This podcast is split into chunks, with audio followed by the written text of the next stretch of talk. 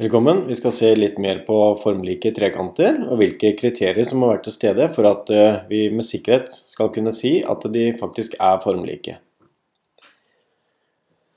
Vi vet at eh, hvis vi har to formlike eh, trekanter, så er forholdet mellom samsvarende sider det samme.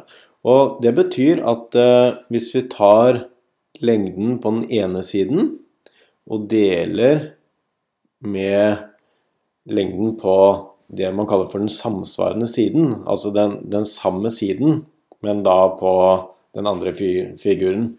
Så gjør vi det her, så kan vi ta 2,6 og dele på 1,3.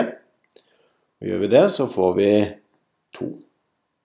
Kan godt dele andre veien, ta 1,3 og dele på 2,6 og få en halv eh, også.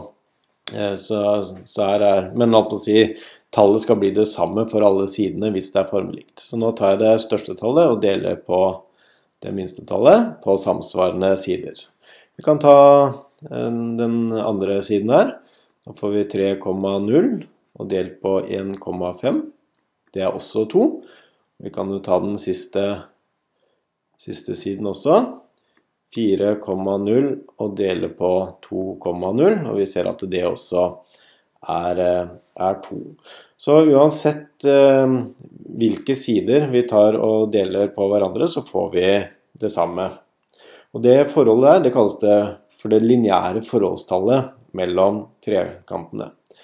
Og hvis vi da skal avgjøre om to figurer eller to trekanter er formlike eller ikke, så må vi sjekke forholdet for tre par av sider.